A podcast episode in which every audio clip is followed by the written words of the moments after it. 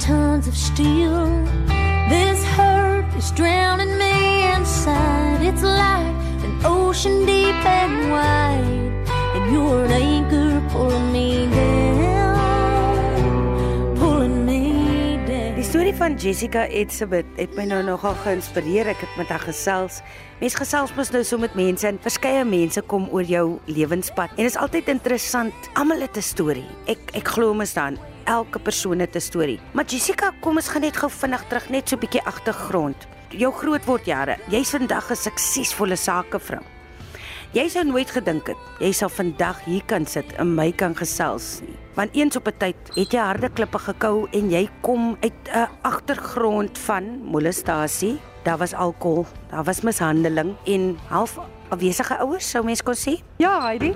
Ehm um, mens kan dit amper nie glo nie, maar daar's altyd hoop. Soos ek sê, ek kom uit molestering. Ek kom uit 'n uh, uh, agtergrond waar alles nie altyd lekker was nie, maar ek glo mens moet nooit um, op jou verlede bou nie. En gelukkig het ek vroeg in die lewe die Here ontmoet as my pappa. En as hy as jy hom in jou lewe het, dan maak hy vir jou deure oop wat 'n mensie sal kan dink nie. Ek meen ek was ek was 'n matriek, ek het 'n matriek swanger geraak. Uit die huis uit vroeg getrou, twee kinders gehad. Um met 'n man getrou wat wat gedrink het. Baie lief vir mekaar gewees, maar um ek glo nie in God se wil was nie en um ook verkeerde keuses in sy lewe gemaak. Ja, ek en hy was lank by mekaar, maar ehm um, seker so 10 jaar terug het het hy ek en hy een aand uh, in 'n stry gewees. Ek wou nie gehad het hy moes drink nie en hy het begin abusive raak. Hy het my daai aand in in die lig opgetel en wou my verwrig en my kinders het dit gesien en hy het daai aand gery en hy het verongeluk. Weet jy ja, rowwe paadjie daarna gestap twee tieners wat ek moes grootmaak op my eie. Dankie Here, gelukkig was die Here getrou en hy het vir my 'n goeie man weer gestuur en ek het 'n tweede kans gekry. So ek glo die Here is 'n Here van tweede kansse.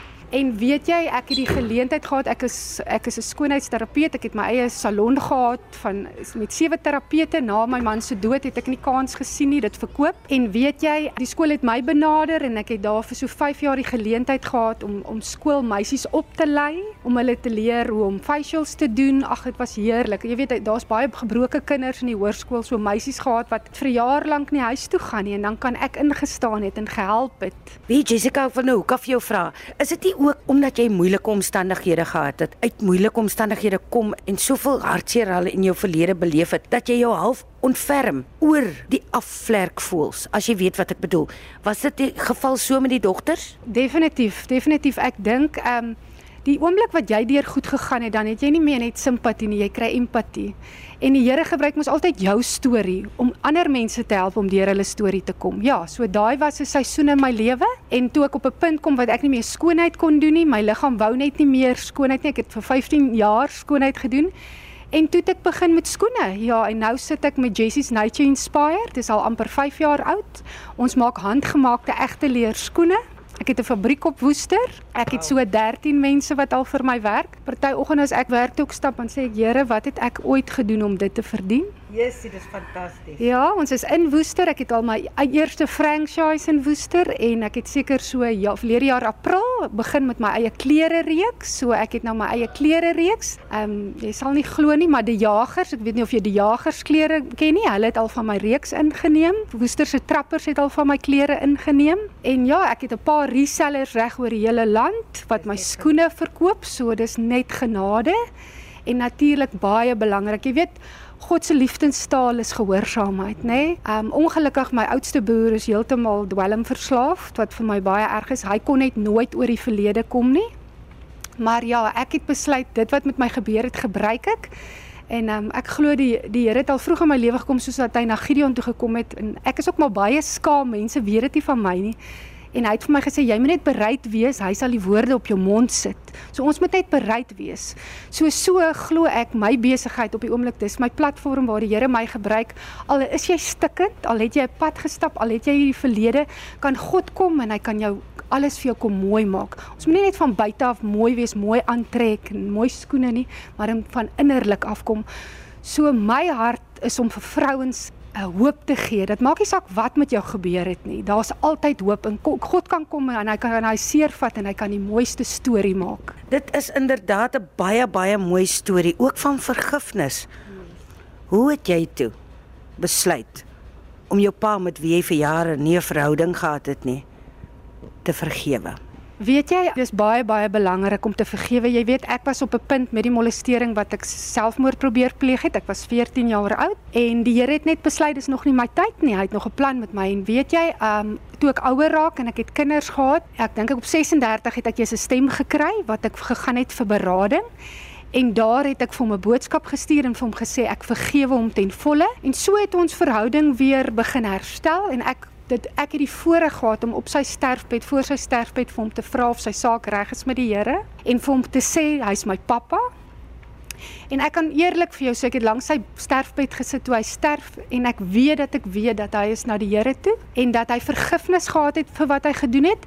En die oomblik wat jy nie kan vergewe nie, dan is jy in 'n tronk. Jy is in 'n tronk en jy kan nie vryspreek jy kan nie lewe nie. Net so met my ma, sy het bipolêr gehad, was 'n moeilike vrou. Ek het nooit 'n verhouding met haar gehad nie en God het my die gawe gegee of die guns gegee om in jou laaste jare en 8 maande het sy by my moes kom bly. En daar het ek kans gekry om grace vir haar te hê en en te besef alles wat in hulle lewe gebeur het is goed wat met hulle gebeur het. En weet jy sy het um so 2 jaar terug in my huis 'n hartaanval gehad. En ek is so dankbaar vir daai tyd wat ek gehad het want ek kon vir, in die laaste 8 jaar kon ek met haar 'n verhouding hê. En ek kan vir jou sê vandag ek mis hulle al twee. Hulle sy sal hy sal 4 jaar weg en sy sal 2 jaar weg.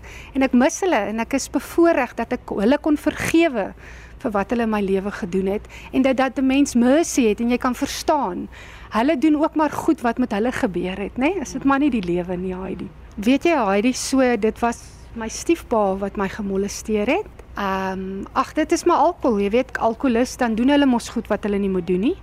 En ek dink dit is ook makliker gewees seker maar omdat hy my stiefpa was om hom te vergewe en ek het die voorreg gehad om my eie pa te ontmoet. Ek het nie lank vir hom geken nie. Hy's ook oorlede.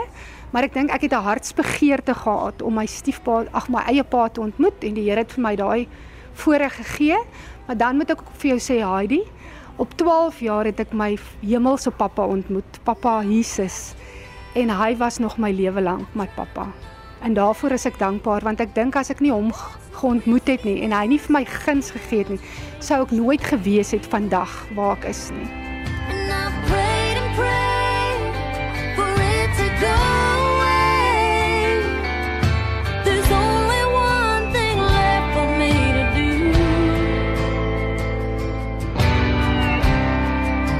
forgive you.